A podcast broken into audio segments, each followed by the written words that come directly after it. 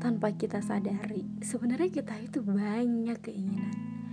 Kita punya mimpi dan cita-cita. Bahkan banyak sekali hal yang ingin kita lakukan. Tapi lagi-lagi kita bingung harus mulai dari mana. Seakan kita nggak tahu harus dari mana kita memulainya. Ya, kita emang selalu tidak bisa memulai. Padahal setelah kita jalanin, semuanya itu mengalir begitu saja. Dan kita yakin bahwa selalu ada campur tangan Tuhan untuk membantu kita.